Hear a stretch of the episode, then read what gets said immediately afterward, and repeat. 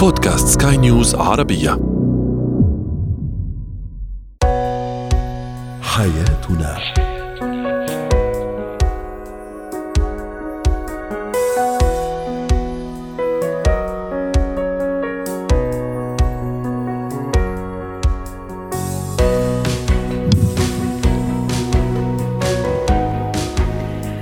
مستمعينا الكرام أهلا بكم معنا إلى حياتنا. برنامجكم اليومي الذي يعنى بشؤون الأسرة وباقي الشؤون الحياتية الأخرى. والذي يمكنكم الاستماع اليه عبر منصة سكاي نيوز عربيه dot com slash podcast وباقي منصات سكاي نيوز العربية الأخرى. شاركونا عبر رقم الواتساب 00971 561 88 معي أنا آمال شاب. اليوم نتحدث عن اكتئاب ما بعد الزواج. ما هي أسبابه؟ وكيف نتغلب عليه؟ ما هي أهم المكملات الغذائية التي ينصح بها للطفل خلال فترة الاختبارات؟ وأخيرا اتيكيت السفر مع الأصدقاء.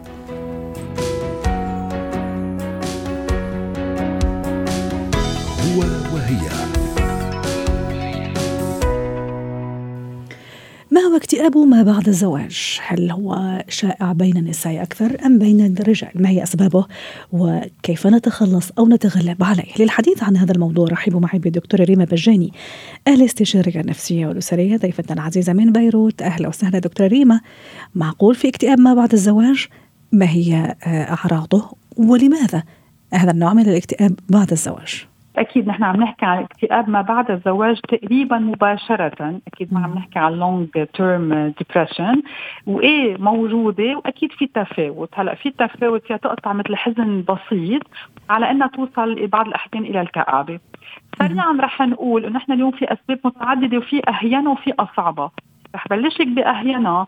عادة وخاصة ال couples اللي بيحضروا زواجهم بيقطعوا فترة بيكونوا عم بيشتغلوا كثير عم يركضوا كثير عم بيبرموا على الفستان على الزينة et cetera et cetera بيكون وقتهم آه، كثير معبأ فيي استعمل هيدي الكلمة. وبيخلقوا بتجي الحفلة كتير كبيرة ويمكن بيلتقوا بقرايبين وناس من زمان ما شافوهم et cetera وبيخلص الزواج بحسوا صدى هيدا واحد هي بلشت لك بالأسباب الصغيرة يلي فيها تعمل لنا هالنتفه الكآبه على فكرة خليني الأسباب الصغيرة دائما عم تحكي عنها. في تعليق وصلنا. وائل يقول العريس إيه، يصاب به لأنه غالبا ما يكتشف أنه دفع تكاليف مرتفعة والمتأخر كمان كثير عالي، العروس تنكشف أو تكتشف انه الرومانسية اللي بالأفلام هي مجرد تمثيل ما إلها نعم. صلة بالواقع. هذه على سيرة الأشياء البسيطة، تعليق يقول ديون وهم إرضاء الطرف الآخر وواجبات اجتماعية. صحيح فهون بس رح- الرومانسية ما تنسي لي إياها أمل لأنه ضروري نرجع نحكي عنها وهي من القصص طيب. المهمة فاذا بالأسباب البسيطة ومثل ما قالوا آه، المستمعين إنه إيه فيها تكون هيدي الحزن الصغير وفي بعض الأحيان توصل للكآبة يحسوا حالهم في فراغ فضيوا آه، وهون رح لك بهيك شغلة مهمة كمان. إنه في أغلبية الناس كانوا يعتقدوا إنه الزواج هي النهايه آه أنا كثير صح. على هالكلمة وهيدي اللي بدها تخلق لنا كآبه كبيره بيعتبروا إنه هن كانوا مع بعضهم قبل خطبوا عاشوا اكسترا تزوجنا خلصت. صح. هون إذا بدك إذا بدك دغري بتعرفين بدي أروح دغري للحلول. صح، صح. أول شيء خن... د- دكتورة معليش البعض كمان ما أدري إذا صح. يعني مثلا لما الواحد هيك مثلا في جلسات بين أصدقاء وصديقات مثلا تقولي آه، السؤال يطرح معقول أنا عملت الخيار الصح؟ معقول اللي تزوجته يعني هو الشخص الصح أو اللي تزوجتها تزوجتها هي الشخص المناسب. رغم ممكن سنوات طويلة من التعارف ممكن أشهر طويلة من الخطبة آه، والخطوبة لكن يعني هذا السؤال ممكن يتبادر إلى الذهن وحصل مع كثير ناس معقول أنا عملت الخطوة الصح. هون رحتي على الأشياء الأساسية إذا مش الأساسية بمعنى الأساس لأنه كله أساسي بالنسبة لي بس بالعمق أوكي يلي هي اللي زتانت نحن بنسميها. شو ناطرين من هيدا الزواج؟ يلي من ضمنهم إذا هو هذا الشخص. يعني نحن اليوم كمان إذا نحكي عن الحلول نحن اليوم كيف نفكر بطريقة إيجابية؟ يعني رح أنطلق أول شيء إنه الزواج ما نهاية نمشي فيها تدريجيا. الزواج هو بداية. وأنا أنا بحكي إنه نحن بالزواج فينا نتعرف على بعضنا أكثر. بس بعتبر أنا إنه تجاوب على هذا السؤال إذا هذا هو الشخص المناسب أو لا. في minimum في ال- ال- الأساس ال base أنا بحكي عنها على طول اللي هو الأسس الأساسية بالمنطق يلي أنا بكون بتفق عليها مع هذا الشخص اللي بدي أعيش معه كل حياتي. اليوم شو هو الزواج؟ هو شراكة إلى مدى الحياة وبدها تنمى هذه الشراكة. لذلك نحن بنعتبر الزواج هو بداية بداية مشاركة. أول شيء نحن ككابل وهون فكرة بالرومانس- الرومانسية هيك تفوتوا ببعضهم إنه أنا اليوم مش تزوجت ببطل أغني لزوجتي أو ما بقى أهتم بزوجي أو أقول له اشتقت لك. ما تصير الحياة روتين ومتعودين على بعضنا. ابدا. هون بدي نمع أكثر حلقتنا وخاصة بالرومانسية ولا مش بس موجودة بالأفلام لأن الأفلام هن ناس عملوها أشخاص. وفينا نحن كمان نعيشها أكيد باطارها المنطقي بعدين في عنا أولادنا كيف ننمى بتفكيرنا. وهون بفوت نمو الشخصي عمل على على الخط اللي بطريقة كثير أساسية. إنه هون ساعتها أعرف هيدا الشخص يلي وقت تعرفت عليه نعم. كان متطابق إلى حد ما مع تفكيري نمي معي. إذا بدك هون تجاوبك على السؤال إذا هذا هو الشخص المناسب أو لا بس هون تتصل مباشرة بأنا توقعاتي my expectations شو ناطرة من الزواج؟ شو ناطرة من الشريك؟ شو بدي منه؟ نعم. وين نتفق مع بعضنا بشخصياتنا؟ هون إذا بدك نكون عم نشتغل على هذا الموضوع وما بنفوت ساعتها بالكآبة لأن نعتبر حالنا نقينا الشخص يلي يتماشى إلى حد ما مع طريقة تفكيره وقادرين ننمى سوا دكتورة ريما هل صحيح أنه أكثر شيوعا بين النساء أو السيدات أكثر منه عند الرجال؟ وفي دراسة عازت هذا الموضوع إذا عدة أسباب منها الانتقال من الاستقلالية إلى التبعية وحتى وإن لم تكن تبعية كاملة لكن ها شوية تبعية. يعني آه، أيضا أحيانا الشعور بالذنب لعدم القدرة على الموازنة وإحداث التوازن بين البيت والمنزل والحياة المهنية إذا كانت السيدة آه، آه، عاملة. انفصال كمان البنت أو المرأة عن عن أهلها عن بيت أهلها واحيانا كمان الرجل عن بيت أهله هل كمان هذه أشياء يعني تساهم في هالموضوع وهل فعلا هو أكثر شيوعا بين السيدات والنساء؟ وهون بنكمل بالخطوة الثالثة اللي هن شغلتين أساسيتين بيأثروا بالكآبة. ورح أقولهم من يلي قلتيهم وأنا رح اوضحهم بنقطتين أساسيتين هي المسؤوليات والتغييرات. أساسية بحياتنا وهن في يكونوا عم بيأثروا علينا. فاذا أول شيء شو يعني التغييرات؟ للزوج والزوجة. أنا اليوم عايش ببيت أهلي حدي هن مخلصيني لو أنا صرت كبير وبتكل على حالي بس موجودين هن الوالدة هي المسؤولة عن البيت الوالد هو المسؤول عن تامين المستلزمات البيت يعني عم بقول هيك أكيد باطار الواسع. نعم. صارت المسؤوليه علي. صرت أنا ربة المنزل أنا رب المنزل أنا اللي بدي أكون الشخص اللي صارت مسؤولية الشخص اللي so أكيد اللي قلتيه هو على القد هن نقطتين أساسيتين. وأنا بدي أتحمل مسؤولية الشريك. أو شو بدي أتحمله بطباعه؟ إذا مبسوط زعلان أنا شو بدي امن له آه، أنا شو بدي امن له يعني من الميلتين ما عم نحكي هون رجل أو طبعا طبعا. okay؟ so في مسؤولية شخص آخر وفي تغييرات. نحن اليوم إذا غيرنا من المدرسة للجامعة بقطع بشوية يعني بتغير علي نمط الحياة. هون بقول peut-être أنا c'est le changement de mode de vie يعني أنا اليوم طريق نمط حياتي تغير قبل يمكن عندي بيت أهلي بقول بهالطريقه كيف اقوم ساعة اللي بدي هلأ لا يمكن لازم أقوم أعمل صبحية مع زوجي. أكيد بقول هيك بطريقة شوي مبسطة بس هي أكيد أعمق من هيك. بس حتى صح. في أمور صغيرة هون أرجع لك النقطة اللي قلت إنه صرنا شوي استقلاليتنا أو حريتنا. بردك على solution solution سريعة حل سريع. أنا اليوم عبالي يكون مع هذا الشخص وبدي لاقي على طول بحكي عنها common ground يعني أنا وياه بدنا نلاقي أرضية مشتركة. ما إذا فسرتها صح. نقدر نتلاقى فيها. إن كان أنا اي ساعه بحب نام اي بحب قوم كيف بدي آكل شو الطبخه اللي عبالي اليوم؟ يعني بتعرفي عم روح باشياء هيك بسيطة بس عن جد فيها تأثر تفوتني بكآبة أو بقلق أو بغضب. دكتورة ريما ممكن يعني كان لازم أسأل هالسؤال في بداية لقائنا بس ما عليه. إيش أعراض هذا الاكتئاب اللي بتقول لا والله أنا عندي اكتئاب أو لا والله ترى زوجي هذا عنده اكتئاب ما بعد الزواج. في أعراض كذا لازم أنتبه لها؟ هلا مثل أعراض الكآبة بس بأي إطار؟ يعني بتحس شوي الحزن بتحس مم. شوي عدم الارتياح. آه هون أكيد حدش لهم بالعلاقة سوا بس ما إلها ما إلها علاقة إذا بدك إنه إذا لهم زمان بيعرفوا بعضهم أو لا. في بعض الأشخاص يخافوا يحكوا عن هذا الموضوع أو يستحوا إنه أنا كيف بدي أقول بعد الزواج حاسه بهيدا الكآبة؟ بركي زعل الشريك أيوة. يعني فكر شيء موجه ضده. وكلكم والأهل طبعا المجتمع أهلي شو راح يقولوا؟ أهله شو راح يقولوا؟ exactly مشان هيك please هون كمان سريعا إنه إذا شوي حسيت نحن بنسميها بلوز كيف ال baby blues هيك شوية هيك زعل. آه عن جد شاركوا شريككم فيه على قد ما لازم يكون هو كمان آه متقبل إنه تقدر يساعدنا نطلع منها. ما تخافوا منها لأنه مثل ما قلنا اوقات تغييرات نمط الحياة فيها تساعدنا إنه ننمي هيدي الكآبه واضح. دكتورة ريما رائعة مبدعة دائما ككل مرة. أسعدتينا وإن شاء الله الله لا يجيب كآبة ولا اكتئاب بعد الزواج ولا قبل الزواج. شكرا لك وأتمنى لك أوقات سعيدة. زينة الحياة. الفترة الاختبارات هذا هذا الفترة يعني لكل أطفالنا وتلاميذنا مقبلين على الاختبارات في بعض المناطق خلاص يعني هم فيها يعني في فترة الاختبارات ونتمنى لهم كل التوفيق أكيد والنجاح. يا ترى هل في مكملات غذائية ينصح بها الطفل ويفضل أنه الأهل يعني يركزوا عليها خلال فترة الاختبارات لأنه تعطيهم تركيز أقوى، آه، تحفيز ذاكرة، آه، تعطيهم نوم كمان مريح، آه، عدم قلق. دعونا نتعرف على تفاصيل هذا الموضوع مع دكتور أحمد عبد العال استشاري طب الأطفال. يسعد أوقاتك دكتور أحمد. أهلا وسهلا. طفلي في مقبل على فترة اختبارات وبتعرف حضرتك يعني الحالة الطوارئ اللي عاملها موضوع الاختبارات في البيت. الأم والأب دائما يعني يعني كل أملهم أنه يعني الطفل يعني اختباراته تكون ناجحة وينجح في الاختبارات. كيف ممكن أساعده بمكملات غذائية؟ ولا لا الموضوع مش بهذيك الأهمية والضرورة؟ لفت نظري الفقرة اللي قبل على طول يعني اكتئاب ما بعد الزواج يعني. لا يكون جاك يا دكتور بس. لا الحمد لله ما جاش الاكتئاب معروف ما بعد الولادة إنما اكتئاب ما بعد الزواج ده ده موضوع جديد جدا يعني مش مش دارج ومش معروف وطبعا ده بيتوقف على حاجات كتيرة طبعا يعني عمر الزوج ولفترة الخطوبة حاجات كتيرة جدا. ففي موضوع موضوع جديد وشيق جدا. الحمد لله. تسلم. أرجع تاني لموضوعنا اللي هو المكملات الغذائية وقت آه وقت الامتحانات لأن إحنا حاليا في وقت امتحانات. صحيح. الاختيار موفق يعني. آه كلمة مكملات يعني بنكمل شيء ناقص.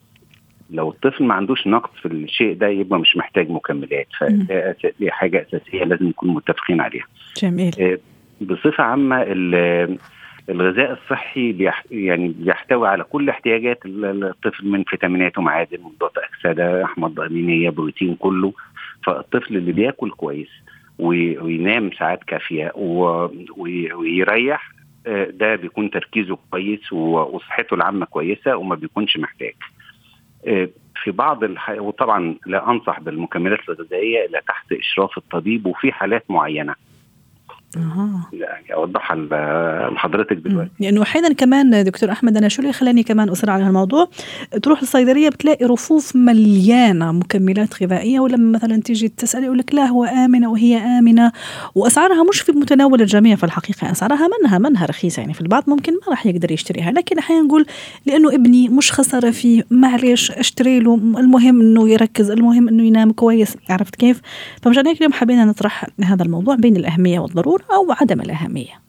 هو طبعا النقطة اللي ذكرتيها يا مال دي نقطة مهمة جدا لأن يعني نقوص خطر. أنا بالنسبة لي دايما بقول إن زي ما المضادات الحيوية لازم تتاخد بوصفة فإن المكملات الغذائية المفروض إنها تتاخد بوصفة. ما نسيبش الإعلانات اللي على الإنترنت ده كمان مش الصيدلية بس ممكن أونلاين من على الإنترنت وإعلانات وحاجات شكلها جذاب وحاجات تركيباتها مختلفة. ده مش مناسبة لكل الأعمار ومش مناسبة لكل الأطفال. والفترة الفترة والتركيز كل واحدة فيهم لازم الطبيب اللي يحددها. فهي المفروض تصرف يعني بناء على وصف الطبيب مش مش من على الرف في الصيدلية. الأطفال اللي, محتاجين فعلا ياخدوا مكمل غذائي دول الأطفال اللي عندهم سوء تغذية. ده سواء في امتحانات أو غير امتحانات إنما بيكونوا محتاجينها أكتر طبعا للتركيز فترة الامتحانات. سواء طبعا سوء تغذية سواء تخين أو أو رفيع يعني نحيف أو سمين مش هو ده موضوع سوء التغذية في موجودة في الاثنين. الأطفال اللي ما يأكلوش أكل صحي. الأطفال الانتقائيين اللي بيأكلوا نوعين ثلاثة من الأكل وده في أطفال كتير بنشوفهم بالطريقة دي. الأطفال النباتيين الأطفال اللي عندهم يعني أعراض نقص فيتامينات أو أنيميا لازم نكملها زي ما إحنا عارفين إن نقص الحديد مثلا بيأثر على التركيز والمخ بيعمل تشتت فلازم نصلحه. الأطفال اللي عندهم عسر هضم أو امتصاص أو مرض معين فبيأثر على عناصر معينة فلازم ياخدها إنما مش في المطلق إن إحنا ندي مكملات غذائية للأطفال. مم. لكن دكتور كمان يعني في فترة الامتحانات ممكن لما يكون شوية كمان الطفل اكبر مش في في يعني في يعني الفترة في التعليم الأول خلينا نقول في بداية التعليم الأول. ممكن شوي إعدادي شوي ثانوي كمان أكبر. الستريس يكون أكثر في الحقيقة. نظام ابني يتغير يعني شاء أم ابى ممكن يضطر يراجع شوي دروسه لساعه متأخرة من من الليل يصحى تعبان شوي متعب. طيب إحنا متفقين إنه المكملات الغذائية اعطيها للطفل إذا فعلا محتاجها هو باشراف دكتور. في بدائل آمنة؟ أعطي له إياها خلينا نقول مثلا مشروبات معينة فواكه معينة خضر خضروات معينة. فعلا تكون بدائل وفي في نفس الوقت مكمل له.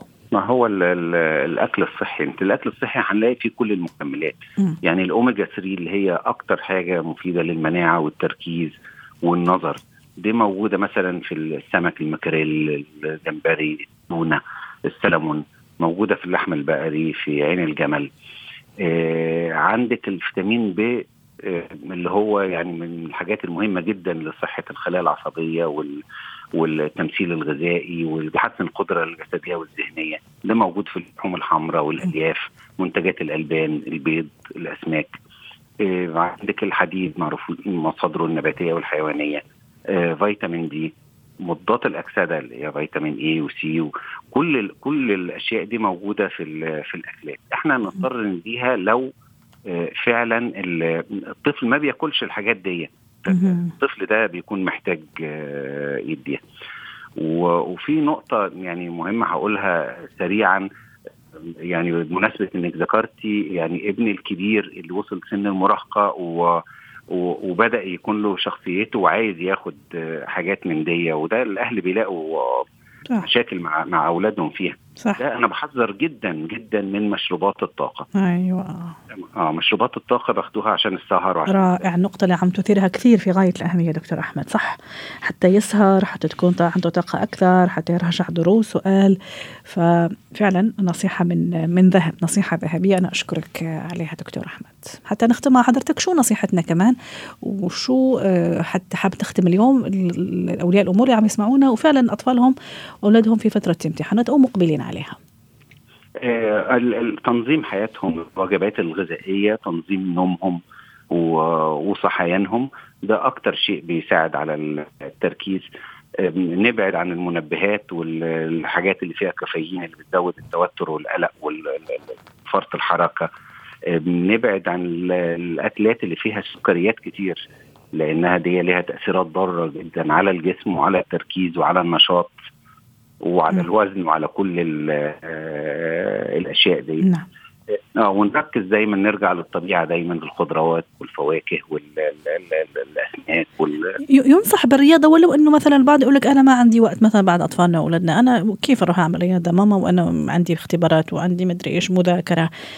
لا يضر بالعكس شيء أتصور كويس وطيب عشر دقائق ربع ساعة يعني ما يعني ما يضرش بالعكس مفيد له بالظبط. حتى البيت ده هي بتحسن الدورة الدموية وتحسن صح. النشاط وتدفع الدورة الدموية أكثر لل...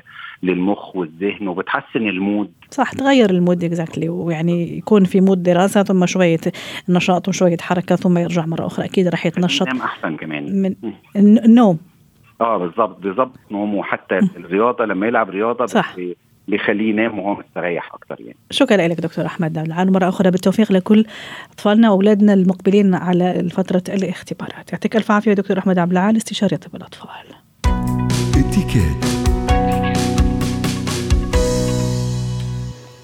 الصيف على الأبواب وإنجازات الصيف كمان. خلاص في البعض يعني استقر وين يروح ومع مين راح يروح أيضا. البعض يختار ويفضل مجموعة الأصدقاء أو شدة الأصدقاء. قد تكون أصدقاء الطفولة أصدقاء أيضا زملاء العمل والدراسة. أكيد الموضوع لا يخلو من اتيكات وذوقيات حتى وإن كان الأشخاص اللي راح يسافروا معي أو أنا أسافر معهم هن صديقاتي أو هم أصدقاء. رحبوا معي بأدال شويحات خبيرة الاتيكيت والبروتوكول ضيفتي من عمان أدال أهلا وسهلا فيك. على فين ناوية إن شاء الله هذا السفر في هذا الصيف؟ مخططة شيء؟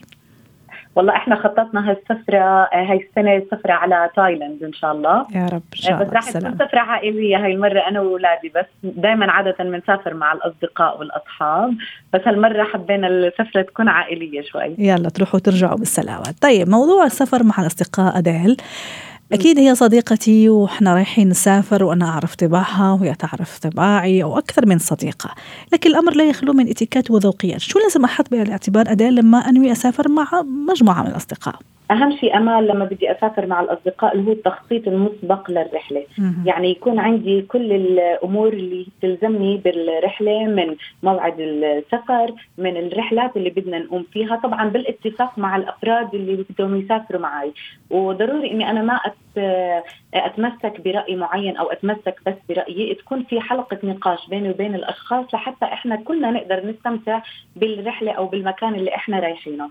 فالتخطيط كتير مهم. ضروري إني أنا أحضر أغراضي من قبل بوقت لحتى ما أنسى أي شيء واخر غيري من جواز السفر من الأوراق اللازمة من الفيزا مرات إذا بلزمني لبعض البلدان. فالتخطيط والترتيب من النقاط اللي جدا مهمة والنقاط الأولى الأساسية لتخطيط أي رحلة. رائع. ضروري كمان إني أنا ما أعرف طباع الأشخاص اللي بدي أسافر معاهم. لأن وعلى فكرة يقول لك ما تعرف الشخص إلا لما تسافر معه. إلا لما أسافر معه مضبوط 100% ممكن مم. تكون صاحبتي هون أنا أتفق معاها بس السفر ألاقيها آه، مختلفة عن آه، طباعي صح. فكتير مهم إني أنا أقدر آه، لو جزء كثير بسيط إني أعرف بس هذا الشخص أنا بقدر أتفق معاه بالسفر ولا ما بقدر أتفق معاه بالسفر. الصراحة كمان كثير مهمة. يعني حتى أنا أكون مرتاح وما اضلني مضايق حالي. حلو أحكي من البداية شو الأشياء اللي أنا بفضلها شو الأشياء اللي أنا برغبها. كمان من ناحية ال- الاتفاق على الأمور المالية. المالية أيوه. كثير أساسية وكثير مهمة. صحيح. يا ريت نفصل فيها أكثر اداه لأنه حين تعمل مشاكل على فكرة وممكن آه، تعمل خصام. نروح صديقات آه، ونرجع يعني متخاصمات.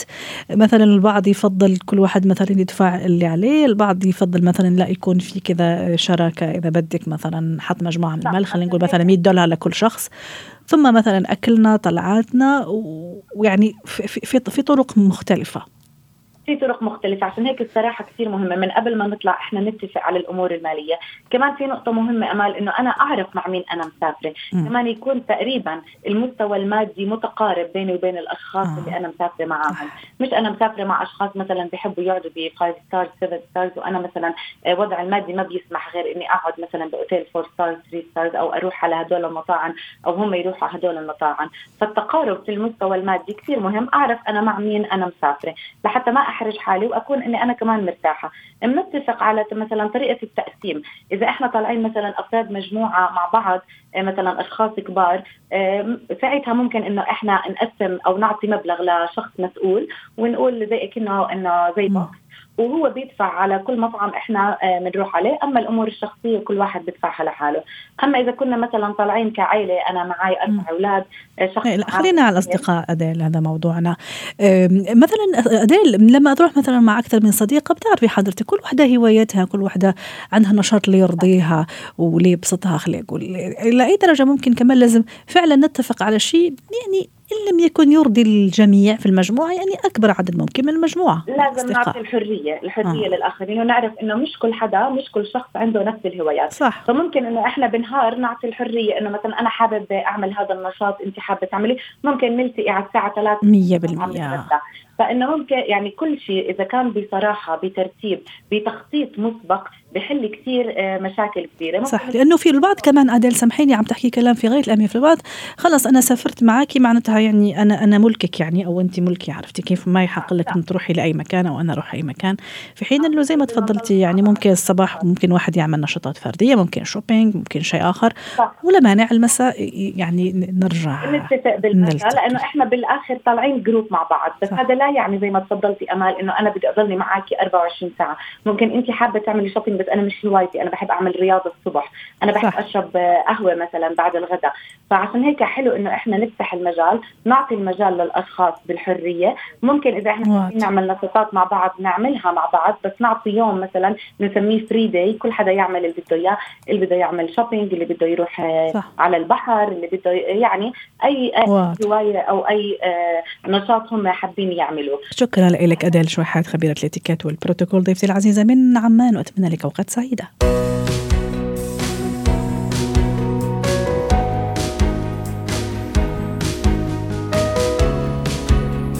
ختام حلقة اليوم من حياتنا. شكرا لكم وإلى اللقاء.